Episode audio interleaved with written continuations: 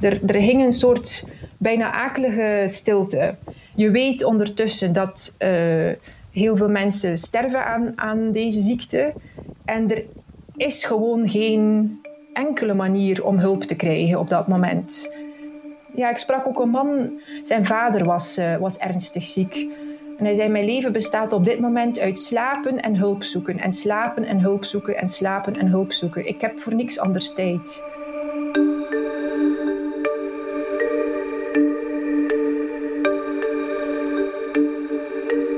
Dit is Vragen over het coronavirus, een podcast van de morgen. Mijn naam is Dries Vermeulen. Samen met getuigen en experts gaan we op zoek naar antwoorden op de vragen die u zich stelt over de coronacrisis. In deze aflevering gaan we terug naar Wuhan. Aan correspondent Leen Vervaken hebben we gevraagd hoe zij de coronacrisis in China heeft zien evolueren en hoe het leven nu is, maanden later, op de plek waar deze pandemie begon.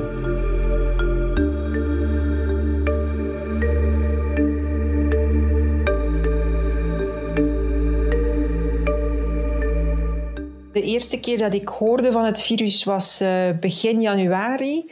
En om eerlijk te zijn, uh, ja, was het mij toen ook niet heel erg uh, zorgwekkend voorgekomen. Ik was met heel andere dingen bezig. Het was eigenlijk pas op 20 januari toen uh, partijvoorzitter, president Xi zelf toegaf dat het ernstig was. En dan zeker drie dagen later, toen de lockdown van Wuhan werd ingevoerd, ja, dat het duidelijk was dat daar uh, uh, heel erge zaken aan het gebeuren waren. Dat het veel erger was dan tot dan toe uh, was gebleken. Leen Vervaken is China-correspondent voor de Volkskrant en De Morgen. Toen ze in januari vanuit haar woonplaats in hoofdstad Beijing zag hoe de uitbraak van een nieuw coronavirus in Wuhan angstaanjagende proporties begon aan te nemen, besloot ze naar daar te reizen. Toen ze daar aankwam in een stad van 11 miljoen inwoners, evenveel als heel België, trof ze alleen maar doodse stilte aan.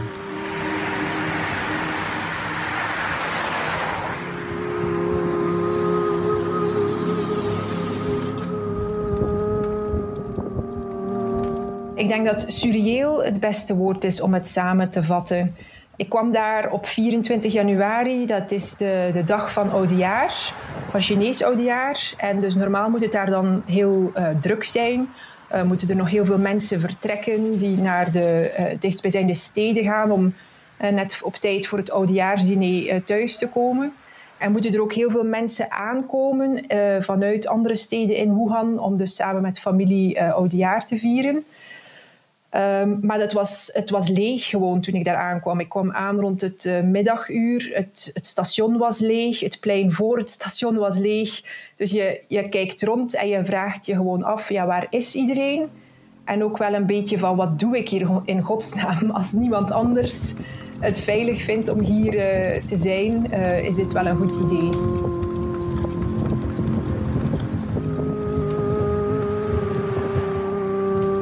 Leen liet zich met een taxi naar de belangrijkste plaatsen in Wuhan voeren. De chauffeur liet alle autoruiten openstaan in de hoop zo zijn taxi virusvrij te houden en hij weigerde in de buurt te komen van ziekenhuizen. Ook op straat, bij de weinige mensen die ze kon spreken, zag Leen heel veel angst.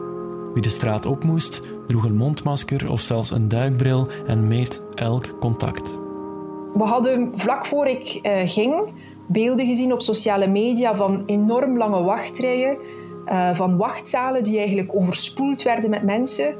En ik had eigenlijk weer zo'n tafereel verwacht. Um, maar toen ik bij de ziekenhuizen kwam, bleek dat, bleek dat helemaal niet meer het geval. Um, en er was na twee dagen van uh, ja, overspoelde wachtzalen, waar eigenlijk nog heel veel besmettingen plaatsvonden, uh, een order uitgegaan dat mensen thuis moesten wachten.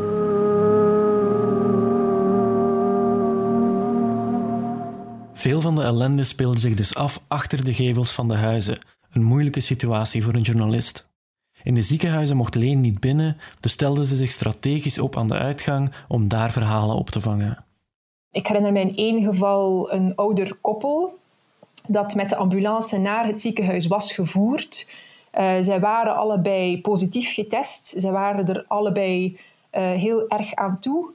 Maar ja, eenmaal met de ambulance bij het ziekenhuis gekomen, kregen zij als boodschap: sorry, geen plek. De ambulance gaat jullie terug naar huis voeren. Um, dus dat was ja, één zo'n voorval waarvan ik dacht: dit is echt rampzalig. Maar ik vond het altijd heel opvallend dat mensen zo rustig waren. Er, er hing een soort bijna akelige stilte. En achteraf zat ik daar nog over na te denken van hoe kwam dat dat mensen zo rustig uh, daaronder bleven. En ik denk dat zij gewoon een beetje uh, murm geslagen waren. Dat zij zo onder de indruk waren van de situatie en van zo machteloos ook vooral waren. Je bent ziek, je voelt je gezondheid achteruit gaan. Je weet ondertussen dat uh, heel veel mensen sterven aan, aan deze ziekte. En er is gewoon geen enkele manier om hulp te krijgen op dat moment. Ja, ik sprak ook een man, zijn vader was, uh, was ernstig ziek. En hij zei: Mijn leven bestaat op dit moment uit slapen en hulp zoeken. En slapen en hulp zoeken en slapen en hulp zoeken. Ik heb voor niks anders tijd.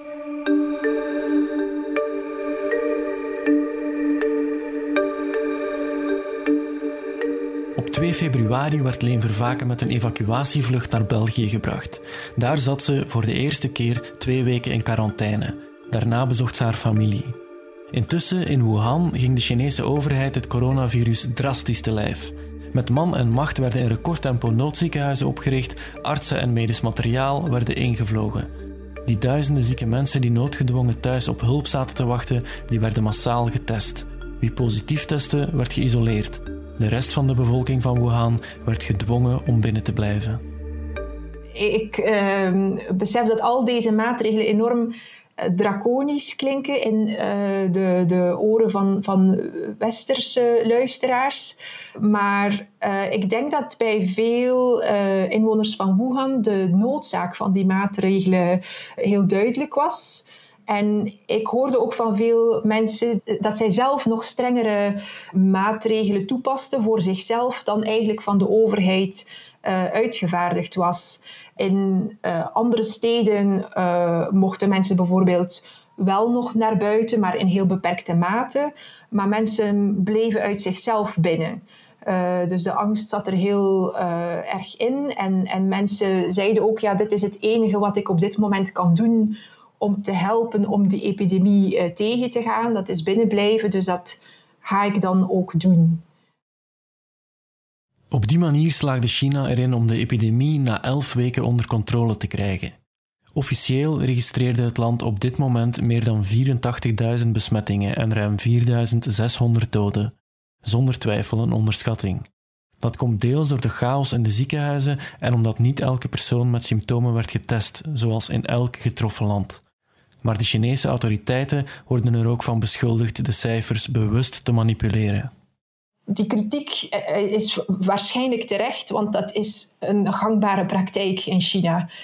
Maar het is wel moeilijk om daar heel concrete bewijzen voor te vinden. Laat staan om dan te ontdekken hoeveel de werkelijk, uh, werkelijke statistieken zouden moeten zijn. Ik merkte zelf al in Wuhan in gesprekken met enkele vrijwilligers van uh, wijken uh, dat zij aanhaven. Kijk, de afgelopen twee weken zijn er, uh, geen, zijn er, is er geen enkele nieuwe besmetting gemeld vanuit Wuhan. En, en dat is wel een, een, een zeer uitzonderlijk resultaat, werkelijk nul gevallen. In gesprekken met die vrijwilligers gaven zij wel aan dat zij weet hadden zelf van een tiental, twintigtal positieve gevallen per dag die niet geregistreerd worden. Uh, en de reden is dat als een wijk uh, vaststelt dat er weer een positief geval is, dan moet die wijk weer 14 dagen de deuren sluiten. Moeten alle inwoners weer 14 dagen binnen blijven.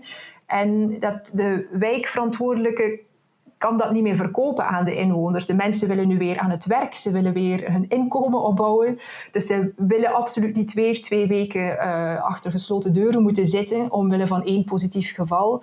Dus wat dan gedaan wordt, is dat die nieuwe besmettingen, die mensen worden wel in quarantaine geplaatst of uh, naar het ziekenhuis gestuurd, maar dus niet uh, officieel geregistreerd. Dus het is zeker dat de cijfers niet, niet helemaal kloppen.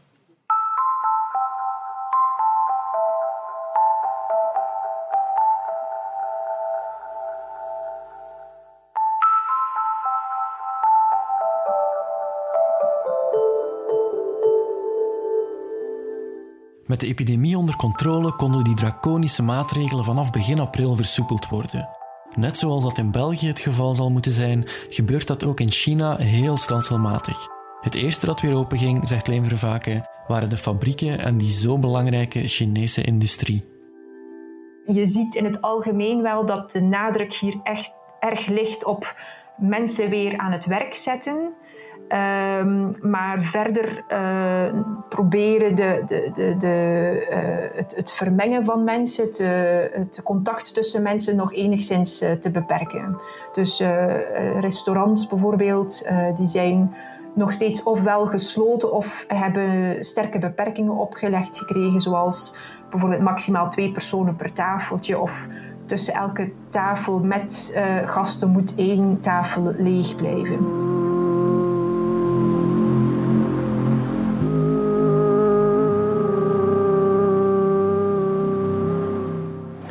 Entrance to this office block, it's become an automatic ritual. Employees and visitors show a QR code on their smartphones to gain access to the building. My code is green, so it means I can go in. If it was yellow or red, I wouldn't be allowed to. Ja, het gewone leven is dus nog verre van terug. Mensen mogen de straat weer op, maar op veel plaatsen wordt voortdurend gedesinfecteerd. Mensen dragen verplicht een mondmasker en vaak wordt zelfs hun temperatuur opgemeten. En dan is er nog die beruchte app, zoals hier beschreven door de nieuwszender France 24. The application was designed by Chinese web giant Alibaba.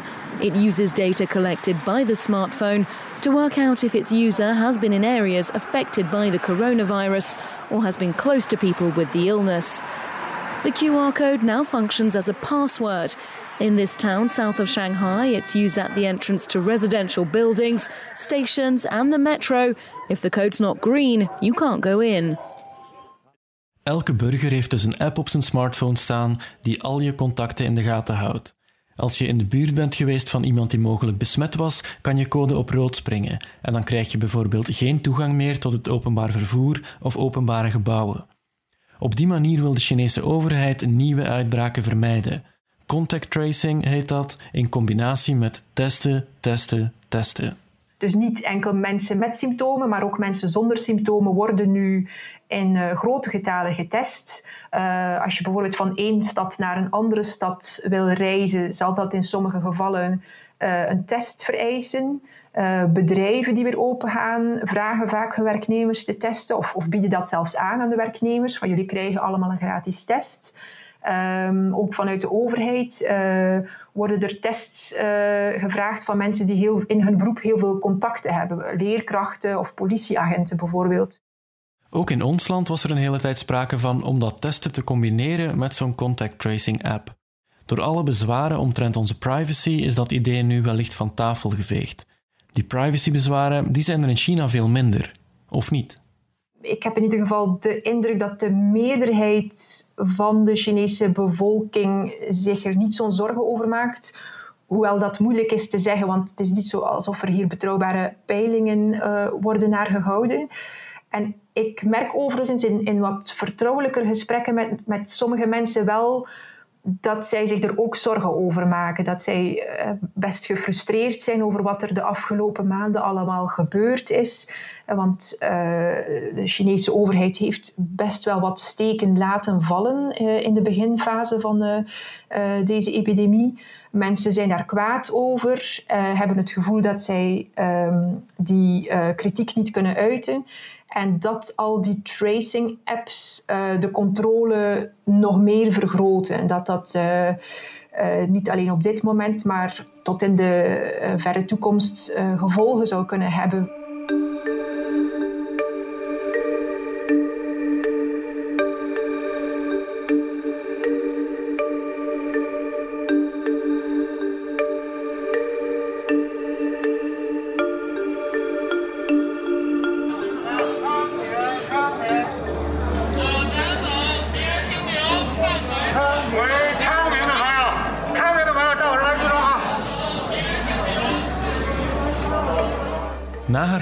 In België reisde Leen Vervaken als reporter via Hongkong en Zuid-China terug naar haar thuisstad Beijing, waar ze opnieuw voor twee weken in quarantaine belandde. Begin april besloot ze een nieuw bezoek te brengen aan Wuhan. Daar zag ze hoe een stad van 11 miljoen inwoners langzaam herstelt. Nog lang niet de drukke, luide, vervuilde stad die Wuhan eigenlijk is, maar gek genoeg, zegt ze, een redelijk aangename plek die voorzichtig weer tot leven komt.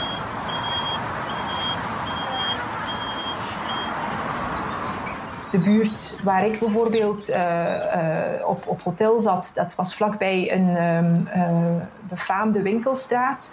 Daar waren zo goed als alle winkels weer open. Daar gingen ook best wel weer wat mensen shoppen.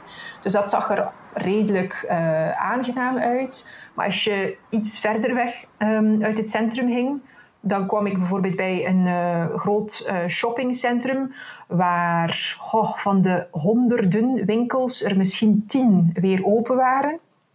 Um, en waar ik ook zag dat uitbaters hun winkel aan het uitruimen waren. Dus die zouden niet meer open gaan. Uh, die waren gewoon failliet. Die hadden de lockdown niet overleefd. Ja, en in de winkelstraten waar de winkels wel weer open zijn, daar is het zeker nog niet de drukte van weleer. De mensen die al buiten durven te komen, die doen dat heel voorzichtig die eerste mensen die weer durven naar buiten te gaan, die hebben het nog wat makkelijker. Want de hele bedoeling is dat je afstand houdt. En dat is uh, makkelijk te doen zolang er niet veel mensen zijn. Maar zodra iedereen zich weer op straat gaat begeven, gaat men wel met een probleem zitten. Want het is gewoon een heel dichtbevolkte stad. Dus ik denk dat het dan eigenlijk moeilijker wordt om al die uh, maatregelen, uh, om aan al die maatregelen te voldoen. Uh, en dat men zich dan wat meer in allerlei bochten gaat moeten wringen om, om ja, dat toch veilig te blijven doen. Ik begreep ook wel van inwoners dat sowieso oudere mensen zelf ervoor kiezen vaak om niet buiten te komen op dit moment. Omdat zij zelf het idee hebben dat het nog steeds riskant is. Dus dat is natuurlijk ook een, eh, een mogelijkheid, dat, uh, dat mensen zelf beslissen om nog even te wachten. In elk geval is het normale leven in Wuhan nog helemaal niet terug. Dat merkte Leen ook bij de mensen die ze aansprak op straat. Die beseffen dat de weg nog heel lang is. 36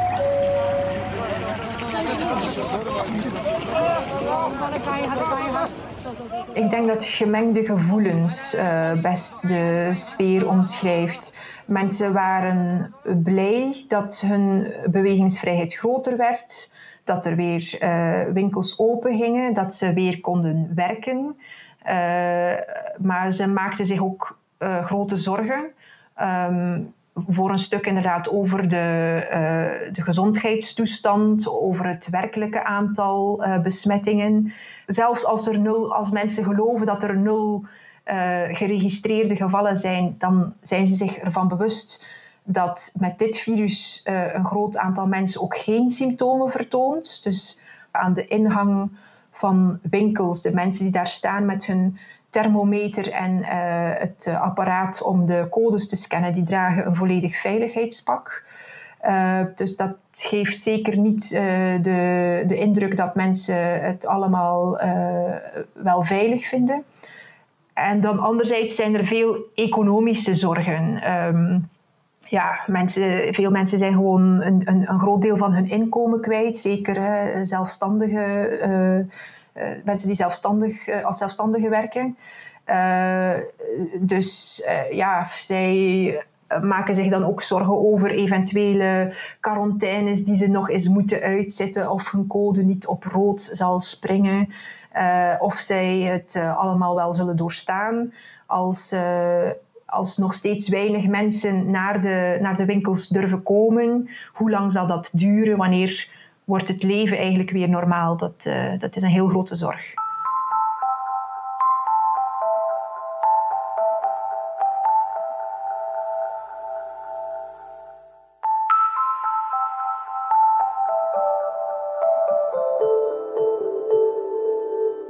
Na haar tweede bezoek aan Wuhan keerde Leen terug naar de hoofdstad.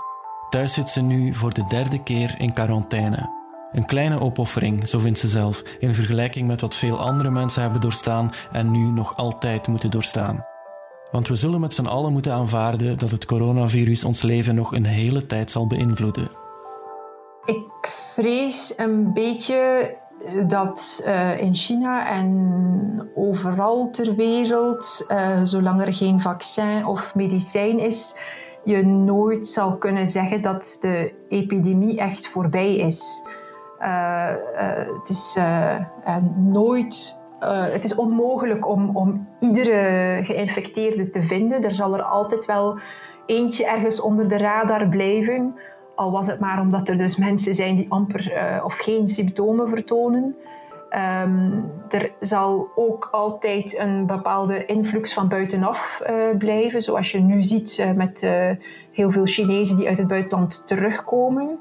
Um, dus ja, ik vrees dat we nog een hele tijd met maatregelen zullen moeten leren leven. Dat, ik zie daar niet uh, meteen een alternatief voor.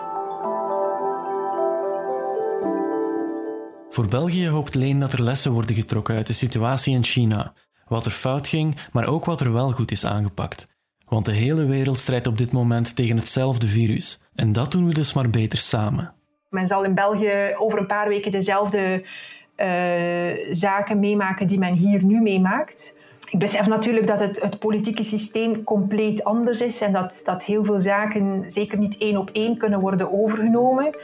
Maar uh, los daarvan, het, het, gaat wel om hetzelfde virus. Uh, dus het, het, kan zeker geen kwaad uh, om, om te onderzoeken hoe het hier is aangepakt en om daar je voordeel mee te doen.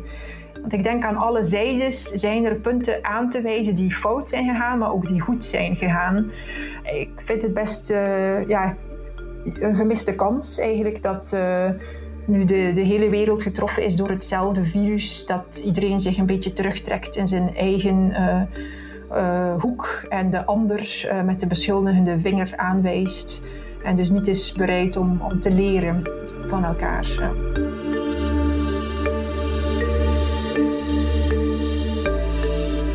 Dit was Vragen over het coronavirus, een podcast van de morgen. Als u zelf een vraag hebt, een tip, opmerking of suggestie, stuur dan een mailtje naar podcasts.demorgen.be. Voor het meest recente nieuws en informatie over het coronavirus kunt u terecht op demorgen.be en in onze app. Kwaliteitsjournalistiek kost geld. Uw steun helpt ons om onze job te doen. Neem daarom een abonnement op De Morgen via demorgen.be-lees. Bedankt om te luisteren.